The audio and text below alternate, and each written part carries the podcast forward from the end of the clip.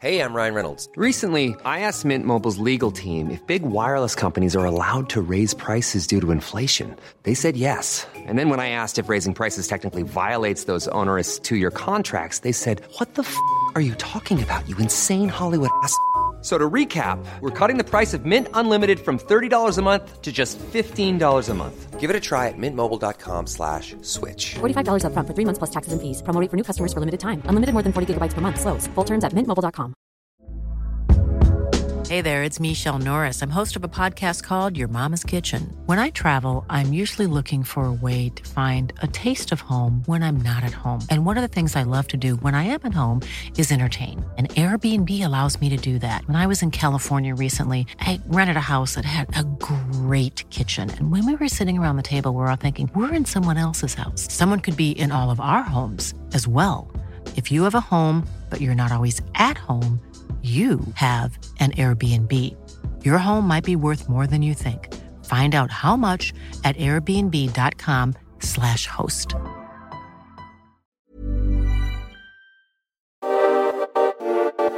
Ni lyssnar på Bagge och Brobacke podcast. I 30 minuter varje vecka kommer vi ge vår syn på marknaden med fokus på pris, makro och sentiment. Välkomna! Det är onsdag och nu är det äntligen dags för Bagge och Brobacke podcast avsnitt 15. Tjena David, vi är tillbaka. Hur är läget? God förmiddag. Jo, riktigt bra. Det har blivit lite kallare i luften och vattnet, men i övrigt är det kanon. Hur, går- Fortsatt. hur går det med brädan? Ja, jättebra. Ehm, hade en liten incident där jag körde av en fena, men det är en ny som jag ska gänga på idag här, så jag ska ut och köra efter podden här. Härligt. Men jag tror nästan det blir, får bli våtdräkt idag, för det har blivit eh, märkbart kallare i vattnet. Det är väl ner en 7-8 grader sedan förra veckan. Så vi får se. Du, eh, hur eh, ska vi prata lite börs? Det är därför vi är här. Lite marknad. Ja, det är väl vettigt. Det är väl lite det, lite det podden handlar om. Eh, ja, man kan väl eh, väldigt enkelt sammanfatta senaste veckans handel med att det egentligen inte har hänt någonting alls. Eh, varken i USA eller på i svenska OMX. Däremot så är det ju Europa har ju gått lite starkare än, än, eh, än Sverige här nu sista, sista dagarna. Eh, men jag tycker att det, det, ser, det står och väger. Det är lite... Ja, vet inte riktigt vart det ska ta vägen. Jag tycker att mycket av det vi har pratat om finns fortfarande kvar som kortsiktiga varningstecken eh, för augusti. Eh, Tioåringen, om vi tittar på långräntorna, eh, har vikt ner på nytt. Ser ut som den skulle vilja testa julilägsta här på 1,13, amerikanska tioåringen som vi pratade om. Och skulle vi få ett bryt där så ser vi nog 1% ganska snabbt där. Eh, Det intressanta är dock att vi har sett fortsatt eh, short covering i- långa bonds då, utav CTAs och så som har legat kort det här.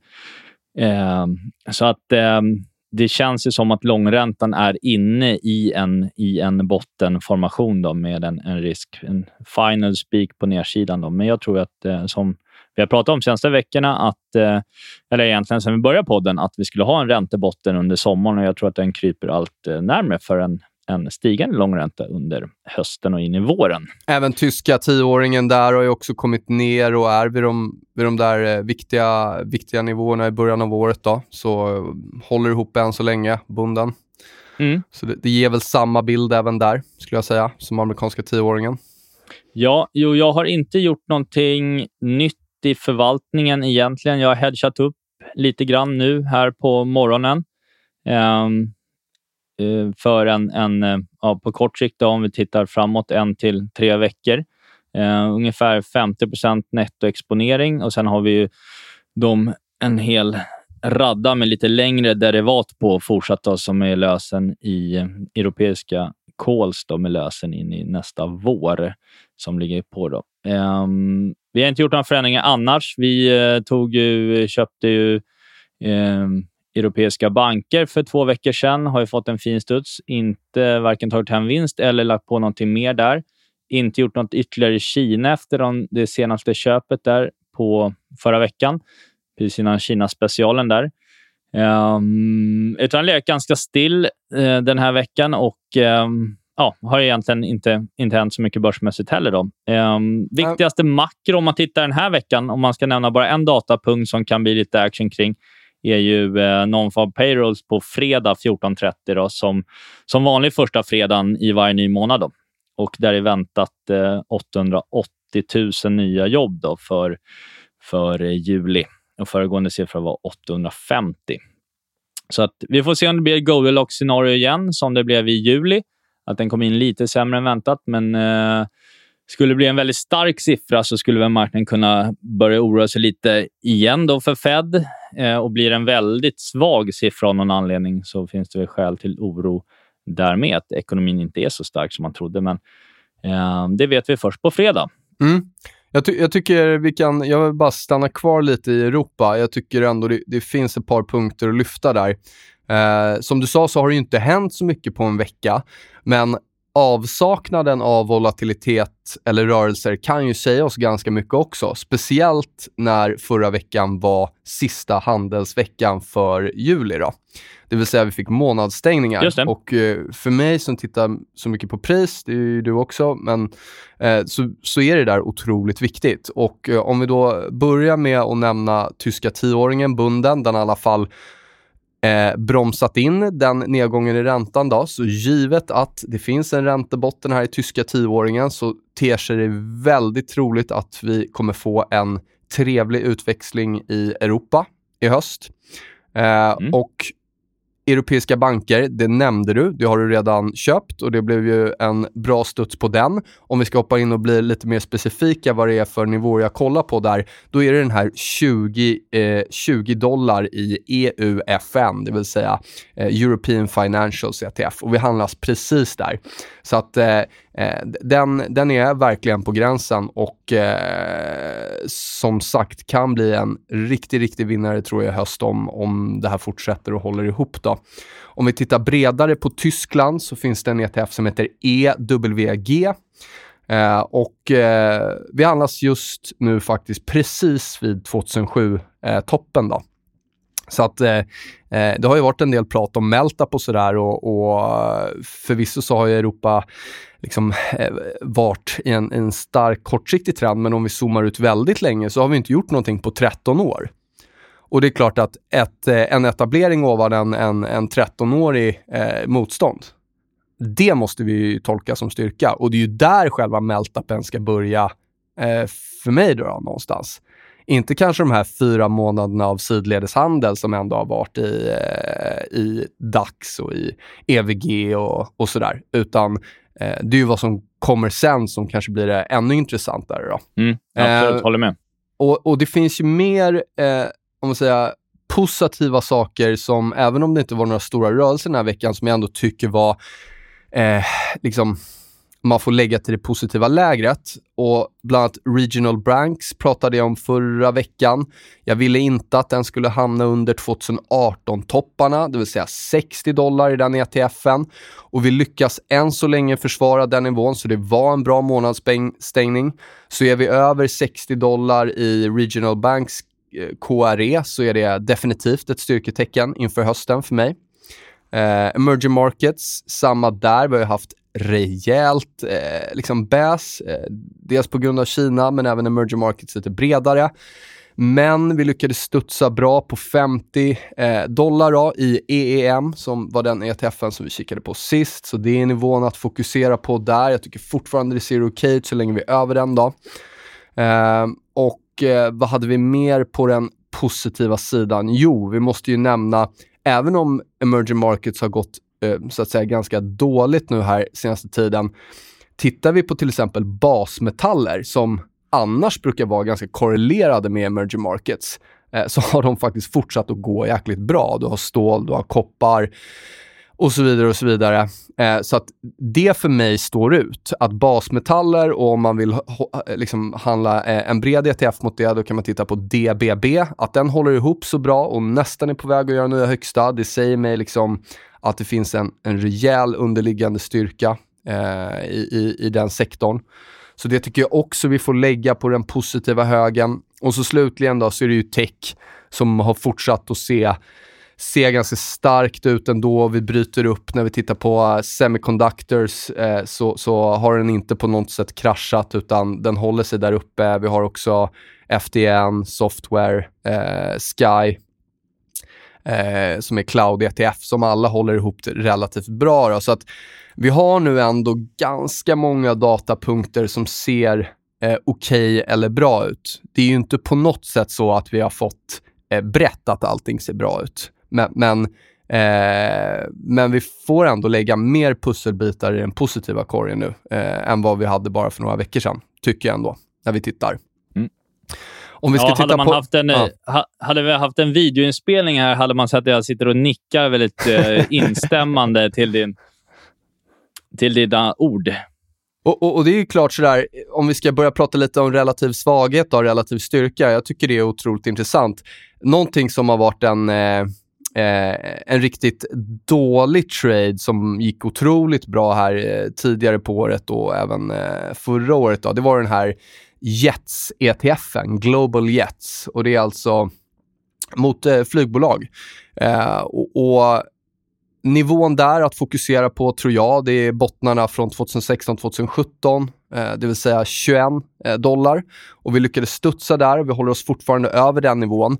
Så om inte flygbolagen, som borde vara det sämsta eh, kort, liksom, korten i leken, eh, om inte de bryter ner här, om de kan liksom försvara det här momentumet, eh, eller den här botten vid 21, eh, då är det också någonting som är ett rejält styrketecken och kanske någonting som vi vill komma in i också. Då. Så att eh, det finns ju, det börjar ju se liksom se trevligare ut på sina håll och då är det framför allt i value-traden. Om vi ska hoppa eh, ja, in på det som fortfarande... Eller vill du lägga till något här innan jag fortsätter? En, en, en, snabbt inlägg bara. Eh, vi har ju blivit kallade för allt möjligt där ute sen vi drog igång, exempelvis Bass-podden och så vidare. Och eh, som ni hör nu så börjar vi svänga mer positiva. Och Det har att göra med att den traden som jag och Nils fokuserar mycket på, det vill säga reflationstraden, återhämtningstraden, det finns olika namn på den, men att långräntorna kommer, kommer på nytt kommer igång under hösten. Den, vi var ju negativa till den här under sen vi drog igång podden, för vi tyckte allting var väldigt toppish. Och relationen mellan value och tillväxt har ju nu satt sig en uh, ungefär 12 procent sen i topparna i mars-april. Så att det är den, den traden vi vill komma in, eller som vi är inne i, men vill addera på ytterligare nedställ för outperformance under hösten och in i våren. Mm. Så att eh, man ska inte tolka det som att bara för index är på all time high så, så är vi väldigt bullish helt plötsligt. Utan det är mer vad vi tittar på för typ av sektorer och, och det vi gillar att kolla på. Ja, nej men vi, sen, sen mitten av maj eh, har i alla fall jag haft fel om, om tech-racet. Eh, där, där, där, skulle man ha varit lång. Men om vi ändå börjar blicka ja, på, på det vi har varit kort, eller vad jag har varit kort till exempel, bara ta nu i juli, Kina är ner över 7 eh, Transports är ner över 5 small cap är ner över 5% olja är ner över 4% Så att vi har, vi har negativa tecken, vi har haft en rejäl korrektion, menar jag på, i faktiskt många sektorer eh, sen vi drog igång oh, podden. Ja. Eh, och, Väldigt stor. Och, och, om vi lägger till då, då om, om, om, olja är ner 4 small cap är ner 5 på en månad, transport är ner över 5, Kina är ner över 7. Vad har gått upp under juli? Eh, jo, bonds 2,5% yen 2% guld 2% och det är ju bevis som vi lägger på den negativa sidan. Eh, det är ju klassiska risk-off-sektorer som faktiskt har stigit med 2 under juli. Så att det är ju fortfarande en... Eh, alltså jag tycker ju att eh, liksom, min analogi till 2004-2010, jag tycker fortfarande den håller. Eh, när man tittar på small cap och micro cap som har handlats ja, de har inte gjort någonting på fem månader. Det är ju definitionen av en range, eller hur? Eh, så, så, att eh, det man skulle Tyskland önska... Tyskland är på samma ja. nivå nu sedan 17 veckor tillbaka, va? Ja, jag tror 16 april eller något sådär.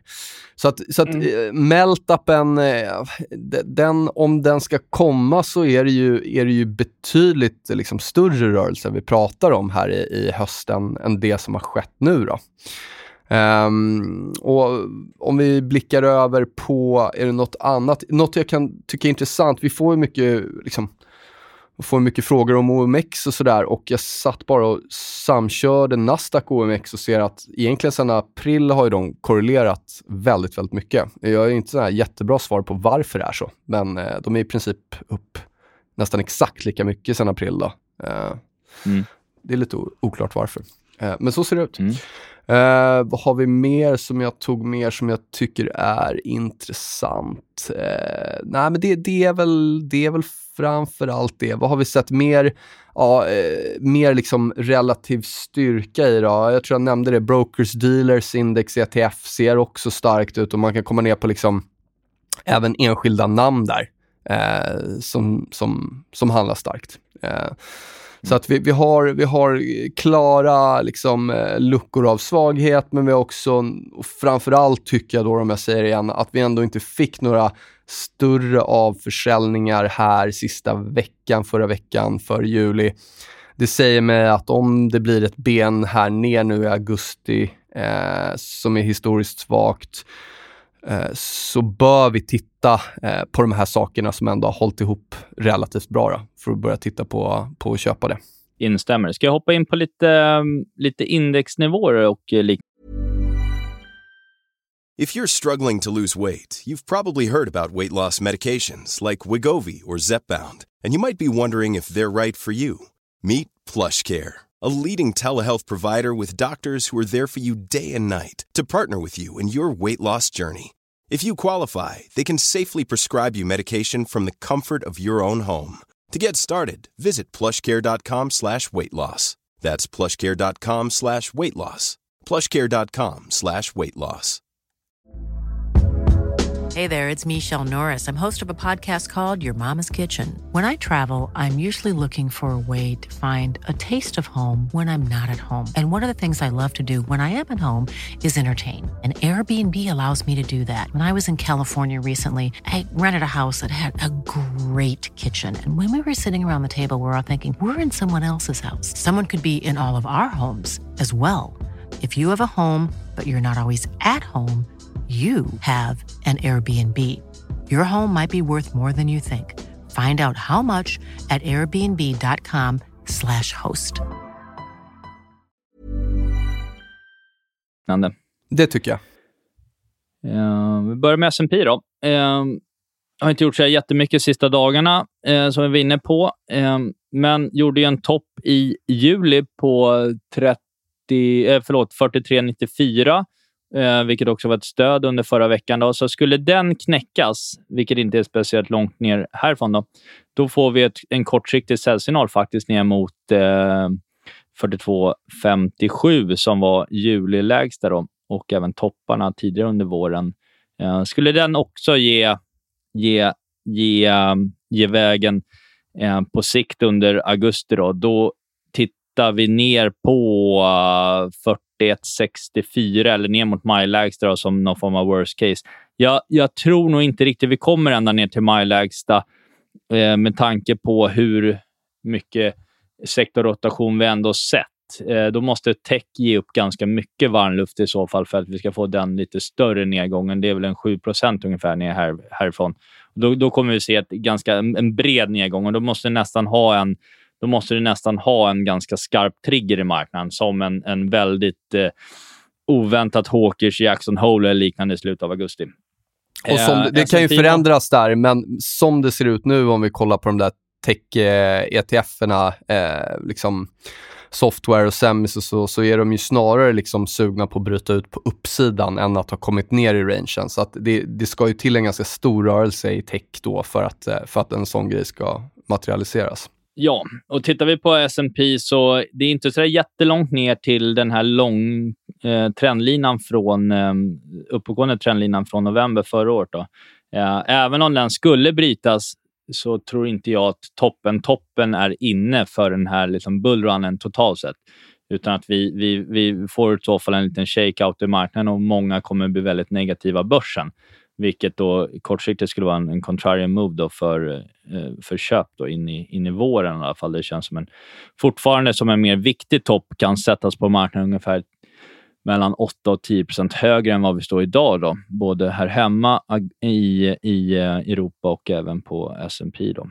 Eh, vi pratade förra veckan om S&P Growth Index. Tillväxtbolagen, kortsiktigt toppish, har kommit ner lite sedan dess faktiskt. Um, ser väl inga direkt direkta styrketecken där. Vi har negativa divergenser och eh, skulle kunna eh, sätta sig ett par procent till i augusti och det skulle i så fall tynga eh, även på, på S&P då. Så länge inte som value får en väldigt tillväxtskjuts och då måste i så fall också långräntan vända upp ganska skarpt. Men vi får väl se. Jag tycker det ser ut som det finns lite eh, eh risk för en, en, en, vidare nedgång även där då kommande veckor, men att man ska köpa value och cykliskt på nedställ.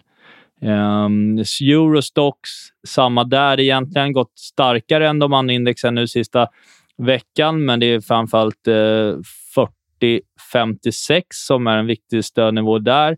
Ger den vika så tittar vi nog ner på majbotten där på mm, mellan 33 900 och 3850, som skulle vara någon form av lägsta då för innan ett riktigt bättre köpläge kommer upp. Då. Så vi gör ingenting mer i Europa än vad vi har gjort. Eh, vi var inne och handlade i Europa för två veckor sedan på det raset vi hade det i juli, men har inte gjort någonting mer sedan dess. Då.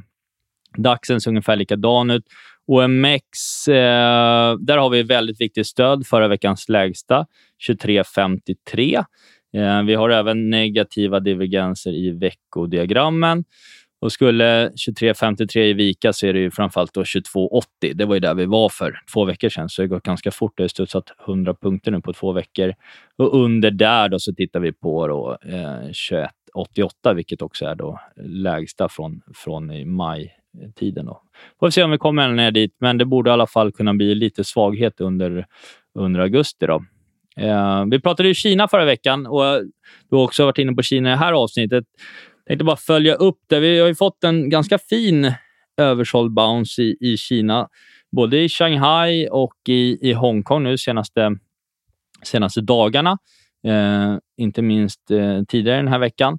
Um, och Det som saknades på nedstället uh, eh, förra måndagen, det är ju lite positiva divergenser för att bilda en mer stabil botten i indexen. Och uh, Det är absolut någonting som fortfarande skulle kunna vara aktuellt och att vi får en något lägre botten då uh, under augusti än vad vi fick i, i, ehm, i slutet av juli, då, vilket skulle vara ett mer eh, mer eh, ordentligt köptillfälle. Då. Så att vi har inte gjort något, vi har inte köpt något mer i Kina, men, men eh, jag är sugen på att addera på nedställ i augusti. Där. Om, om, eh, om vi nu ska få en inflationstrade här i höst och inte globalt börser ska packa ihop, då ska ju emerging markets och Kina börja vända upp. Och eh, CQQQ som var den där China eh, eh Growth ETFen. Eh, jag vet att jag retweetade en graf som kom upp här och det är rätt intressant att den här drawdownen som man är i nu, 40 eh, det, det, är den värsta drawdownen på 10 år där borta. Ja. Så det är en stor drawdown och eh, liksom, vi har varit inne och pratat om lite mer finliriga nivåer, att vi kan få ett ben ner till det. Men om vi försöker zooma ut, om, om inte världens börser ska packa ihop i höst eh, och eh, inflationstraden ska på och dollarn ska börja vända ner och räntor ska börja vända upp, då borde nog ändå Kina börja gå bra i emerging markets. Och det som gör mig lite sådär, jag har inte köpt något ännu där borta, varken emerging markets eller Kina. Eh, jag var kort Kina förut, som, som, som ni har hört. Men det som gjorde mig sådär extra, ett, en, en sentimentsgrej som eh, man kanske inte kan kvantifiera, men som tycker jag liksom, historiskt har varit en, en ganska bra indikation på att, att det börjar närma sig en lokal vändning, eller en, en vändning. Eh, en trendvändning, det är ju att eh, Economist nu drog ut ett, eh, liksom en framsida på att emerging markets har dött och, och liksom tillväxtmotorn är, har, har stannat och så vidare. Och jag vet att eh, de som följer med på Twitter så har ju pratat om de där eh, framsidorna förut. Vi hade ju bland annat toppen eh, februari 2020 på tech, eh, techaktierna. Där var, de, där var de riktigt bra på contrarian. Du hade räntebotten i förra sommaren runt 0,5. Där lyckades de också träffa med sin framsida och sådär. Så att eh, det är klart att om man nu är bull Kina, bull emerging markets, det är inte skittrist att, emerging eller att Economist slänger fram en framsida som säger att emerging markets just dog. Liksom. Det är... Nej, det är en ja. klassiker. Ja. Sen i, i sig är det inte så mycket, men lägger vi på det med, med den andra datan så, så är det ändå något att notera.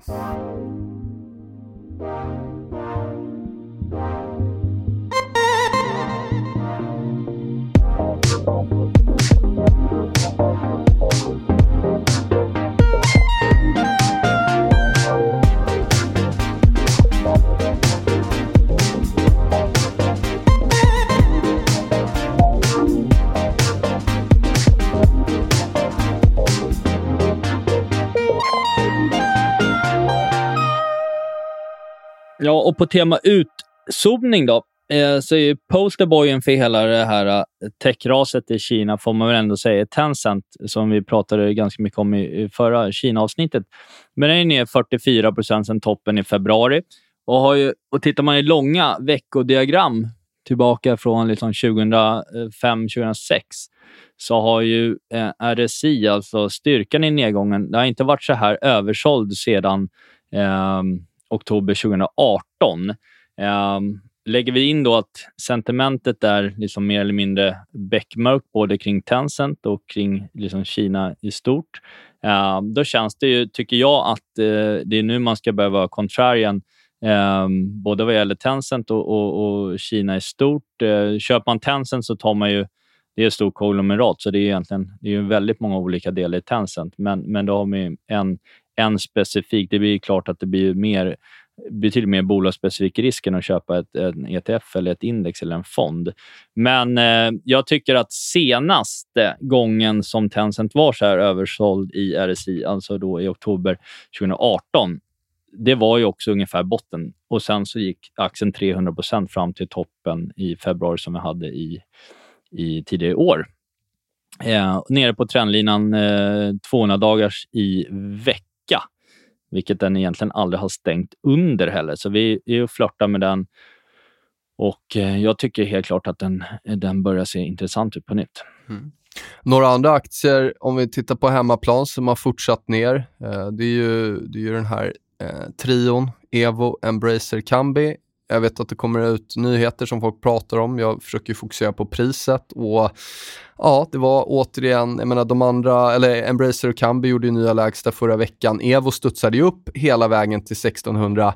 Eh, ska, vi, ska vi ta och slå lite ett slag för teknisk analys igen då? Vände ju exakt på samma motstånd som det gjorde förra gången och sen är vi okej, okay, inte hela vägen ner tillbaka, men vi är ju en bra bit ner. Då. Så att eh, det var ingen köpsignal där som realiserades över 1600, utan veckan stängde en bra bit under 1600 och nu fortsätter det ner. Då. Så att OMX är väl upp sen vi drog igång den där podden, eh, eller äh, jämfört med de aktierna då, så fortsätter spreaden att öka. Så att om vi nu får en avförsäljning i OMX, kommer det fortsätta att trycka ner de där aktierna? Jag vet inte, men det, men det det har ju gett oss en ledtrådar att det har funnits liksom en relativ svaghet. Folk har varit irriterade när man har skrivit om, om aktierna eller tittat på dem och, och eh, folk har frågat väldigt mycket också eh, om dem. Då. Så att mm. eh, vi får se när en, om det blir kapitulation snart och det kommer vi se då i priserna eh, först misstänker jag. Eh, men vi har ju inte fått det ännu, utan nya lägsta tenderar ju att vara en indikation på svaghet, inte på styrka. Så mycket kan jag väl säga. Mm. Ja, jag satt och tittade på uh, amerikansk cykliska aktier mot defensiva aktier och eh, det är en relation som påminner om eh, liksom value mot growth också, då, men, men, men lite, lite andra sektorer. Um, och där hade vi en väldigt stark uppgång i en, liksom, kan betecknas som en liksom, våg 3, den, den starkaste uppgångsfasen upp till, till eh, mars-toppen ungefär i år. Och Sen dess har vi haft en väldigt fin lite sidlänges men nedåtlutande eh, rekyl eh, sista månaderna. Eh, kan finnas lite till på nedsidan och ge där, men, men det är, det är en, en, eh, helt klart en, en formation som, som jag tycker ser väldigt intressant att, att eh, köpa då, eh, på, på nedställ. Så att, att eh, vi också väger in i det här med att fokusera på cyklisk value och banker och den traden då för, för andra halvåret då in, i, in i våren. Uh, bankerna är också intressant eftersom de inte har gått ner speciellt mycket nu. Eller de, har ju, de studsade ju väldigt bra de sista två veckorna, som vi var inne på. Och nu när långräntorna har vänt ner igen så visar ju bankerna en väldigt bra motståndskraft i den senaste ränterörelsen, vilket man helt klart får se som ett styrketecken, tycker jag. Ja, jag håller med. Där kon konfirmerar bank, att banker kan vara ett bra köp då för... Och, och, och, det, och det är ju, jag sa det förut, det är regional banks i USA som har, har liksom försökt göra en botten. Eh, du har ju köpt europeiska banker som blev fantastiskt, eh, eller med, med riktigt bra utveckling på så kort tid och det är också där viktiga nivåer och sen har du XLF också så att vi ser ju, också i Sverige, så att vi ser ju liksom en styrka i banker globalt då. Eh, om nu räntor bottnar här och, och, allt det där vi, vi vill se i höst då. Så ja, det är på flera ställen i världen. Absolut. Kan det bli en liten, eh, den här eh, liksom, som många har pratat om i så många år, att äntligen är det dags för Europa. Ehm, så låter det ungefär i början av väldigt många år när man har suttit. Mm. Och, ehm, sen är, handlar vi in en bit på året och eh, så tar USA över stafettpinnen igen. Så även i år. Alltså, det, det, som, det som talar det kan väl bli ett Europa... Ja. ja. Det som talar emot det ändå, måste jag säga, är att den svagheten vi har sett i emerging markets som ändå någonstans påverkar Europa mer än vad det gör i USA och den styrkan vi ser i USA. Eh, det, det, den, eh, jag vet att eh, jag tweetade någonting om det och, och så här, den spreaden, eh, varje gång det har hänt sedan 1988 så har emerging markets fortsatt eh, handla ner nästkommande månader. Då. Så man har tittat på avkastning fram till sista juli Eh, sen 1988 och när spreaden har varit så här stor mellan USA och mellan emerging markets så brukar emerging markets fortsätta ner nästkommande månader. Eh, ja, jag, historien är ju aldrig en, eh, eh, det är ju aldrig liksom en, eh, eh, eh, att vi vet vad som kommer hända. Men ska vi följa historien då kommer vi ha fortsatt svaghet i emerging markets och därmed kanske också även i Europa. Uh, mm. Och för att bli konkret då, då, då är det emerging markets, uh, då är det 50, 50 dollar jag kollar på i den uh, eh, ETFen, EEM då. Och varför är den, den så viktig? Jo, det är ju den där toppen från 2008 då. 2000, eh, så att det är den jag sitter och kollar på. Så vi vill ju inte fallera en 12-13-årigt eh, motstånd som vi just började krypa över. Det, det är ju inte bra. liksom. Nej, och eh, sen är frågan om den här gången, jag menar, oftast är det ju så att när vi ser toppar och väldigt skarpa rekyler ner i Kina med market så brukar ju västerländska börser och USA också följa, följa efter efter ett par månader med, med lite timelag. Um, däremot så är det så att det är ju faktiskt inte så att Kina har inte rasat för att det går otroligt dåligt för landet, eh, utan det är ju mer de här äh, alla nya, nya äh, regler kring diverse, ehm, framförallt inom tech, då, ehm, som man nu städar upp i regimen där borta ehm, och som egentligen inte påverkar den underliggande ekonomin så där fasligt mycket. Då. Fast jag, jag tror, där, där tror jag ändå man ska vara för, alltså nu, nu är jag generellt så att jag försöker aldrig leta förklaringar på prisrörelser, men jag tror man, man ska ändå vara ganska försiktig med att tänka att man har, jag menar, att man fundamentalt vet redan nu varför det ser ut så. Uh, Nej, men du har ju... Där om jag, har om jag vågar... Där, jag, uh. Nej, men där har du förklaringen till varför basmetaller inte har sålt av exempelvis. Därför så kan att, det vara. Eh, um, det har varit ganska... Ändå, den stora nedgången har ju kommit inom tech, om vi säger mm, så. Mm. Det, utav, sina, utav, sina, utav sina mm. skäl. Mm. Um, Nej, men absolut. Att, att, stål, att stål och koppar byter, ser ut att kunna bryta upp mot det högsta, det är ju såklart inte en indikation på att konjunkturen är på väg att gå eh, åt skogen, utan snarare en, en het eh, konjunktur, då, antar jag. Så det köper jag ju absolut. Ja, andra divergenser om man tittar i marknaden, det är egentligen inget nytt. Det har varit inne på. Vi vet att eh, Eh, Eh, volatiliteten både på Russell i Tyskland, eh, VIX på, DAC, eller på S&P eh, är ju betydligt förhöjd mot vad den brukar vara eh, vid, eh, vid ordentliga bull markets. Jag menar, vi har en VIX på 18,5. I normala, liksom, riktiga, starka bull markets så brukar vi snarare vara mellan typ 13 och 14 någonstans. Så det är ordentligt över. Vi har så där har vi en, en divergens mot index som vi har haft nu de senaste månaderna. Uh, samma är... gäller inom uh, Nasdaq, om man kollar på den vollen. Uh, gör inte, Nasdaq gick upp och gjorde en ny högsta, vollen gör inte en ny lägsta och så vidare. Va? Men, men ehm, och så har det också, liksom vi har haft sista månaden också, vi har en svag bredd i marknaden. Um, betydligt fler aktier som var med och drog under Q1 än vad det är nu. Alltså vi har negativa divergenser om vi tittar på 20 dagars glidande både i Europa och även i, i USA. Då. Och i USA. Vi har en liknande bild också om vi tittar mot 200 dagars. Det är betydligt färre aktier som sätter nya högsta när index gör det. Va? Så att det finns ju de där eh, varningstecknen i marknaden, vilket också återspeglar sig i sentiment ute eh, generellt. Därför att det är väldigt... Om tittar man på på alla möjliga typer av positionsdata och typ fear and greed också, så är de ju snarare neutrala eller på, ner på fear än, än väldigt bullish. Då. Vilket gör att jag tycker det väger också in att vi liksom inte ser toppen, toppen på börserna här och nu, utan att vi ska ha en ganska ordentlig pain trade där, där de sista kastas in i marknaden då, in i nästa vår. Då. Spännande. Du, Har du eh, något när... att säga om dollarn här?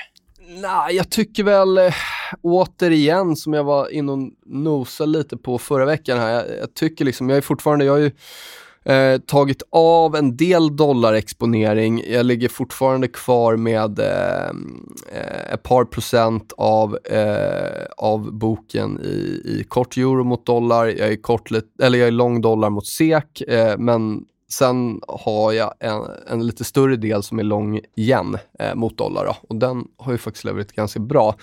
Jag tror att ska vi få ett risk eh, eller ett risk-on-scenario i höst här, då, då ska man nog släppa lång dollarexponering och i så fall så tycker jag det är pundet som ser intressantast ut. Jag är inte inne där ännu, men den, eh, långsiktigt så är det otroligt intressanta nivåer som vi handlas vid.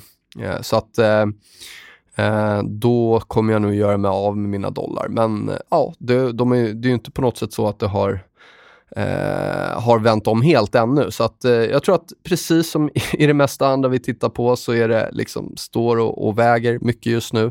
Och jag vet att hade man varit kortsiktigare så är det lätt att bli liksom eh, liksom få mycket breakout-signaler åt ena och andra hållet. Det gäller en massa tillgångar. Det som är fördelen man kan backa ut och zo zooma ut lite, det är att man kan vänta på, på och få liksom bekräftelse på riktningen och, och vi har inte sett någon bekräftelse ännu. Så att eh, risk off, dollar upp, yen upp. Eh, eh, Eh, och inflationstraden ner skulle vi få det, men det är ändå, det är ändå scenario två då, måste man väl ändå säga. Då. Ja, kortsiktigt, eh, dollarn har ju varit, gick ju starkt fram till, som vi var i, ja, vår syn då, att det skulle ha en stark dollar upp i sommaren. Det hade vi nu de senaste två veckorna har ju dollarn kommit ner, gjort en ganska fin rekyl. Um, jag tycker det ser ut som att dollarn under augusti ska ha ett ben till upp, uppåt. Då och eh, vilket också skulle kunna, eller kommer få att eurodollarn får ett mer avslutande ben neråt då, mot liksom 1,17 någonting. Eh, men jag tycker att eh, framförallt eurodollarn som börjar liksom ganska fin bottenformation veckografer. Vi har översålt i veckostokastik. Jag tror ju att det, det, är den avslutande rörelsen för, för dollarn och sen att vi står inför dollarsvaghet under, under hösten. Då. Och just eurodollarn, bara för att hålla sig kvar där, där är ju om man ska göra någon form av aktieread till det så brukar H&M vara en, en av vinnarna på en, en starkare euro och en svagare dollar. Då som har mycket av sin försäljning i euro, men, men merparten av inköpen i dollarn. Då. Så att, Mm. Så som eurodollarn går brukar också hm aktien utvecklas, då, vilket också mm. är en pusselbit till varför jag har lyft in H&M då under, under senaste veckorna. Ja, men 1,17 eurodollar, absolut. Jag köper det. Den är ju superviktig eh, liksom, i, i, i, i den stora grafen. Och eh, Kommer vi ner där igen och eh, liksom stannar upp, då kommer jag nog sälja min eh, dollarexponering. Eh, som du säger, då ska vi, då ska vi börja, eh, börja korta dollarn mot massa saker i höst. Det kan ju bli intressant. Det kan bli väldigt intressant och det skulle ju spela vår övriga syn som handeln i handskar med eh, råvaror och reflationstraden i stort. Då. Eh, Cool. Nej, så mycket mer har inte jag att komma Nej. med idag. Inte jag heller. Vi har ju varit igång ett tag nu också. Eh, när kommer du tillbaka till stan då? Eh, nästa söndag. Ge mig en och en halv vecka så är jag i stan. Ja, det låter bra. Du, du får ha det så skönt. Ta det lugnt med brädan. Så hörs vi. Och tack till alla lyssnare. Fortsätter att lyssna. Kul. Eh, det blev ju lite annorlunda under sommaren här, men det ändå tycker jag var roligt att vi har varit igång. Verkligen. Så uh, fortsätt att höra av er. Uh, frågor, funderingar. Kul att ni lyssnar. Tackar för mig. Kanon. Ha det Bra, gott. tack själva. Vi hörs. Tack, tack. Hej då, hej.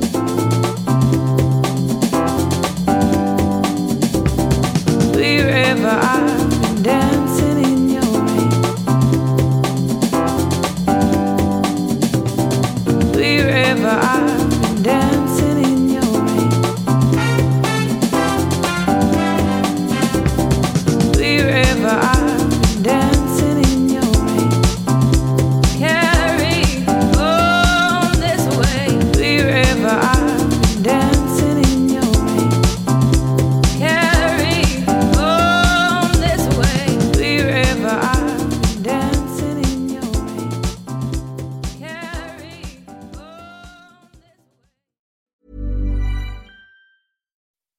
When you make decisions for your company, you look for the no brainers. If you have a lot of mailing to do, stamps.com is the ultimate no brainer. Use the stamps.com mobile app to mail everything you need to keep your business running with up to 89% off USPS and UPS. Make the same no brainer decision as over 1 million other businesses with stamps.com. Use code PROGRAM for a special offer. That's stamps.com code PROGRAM.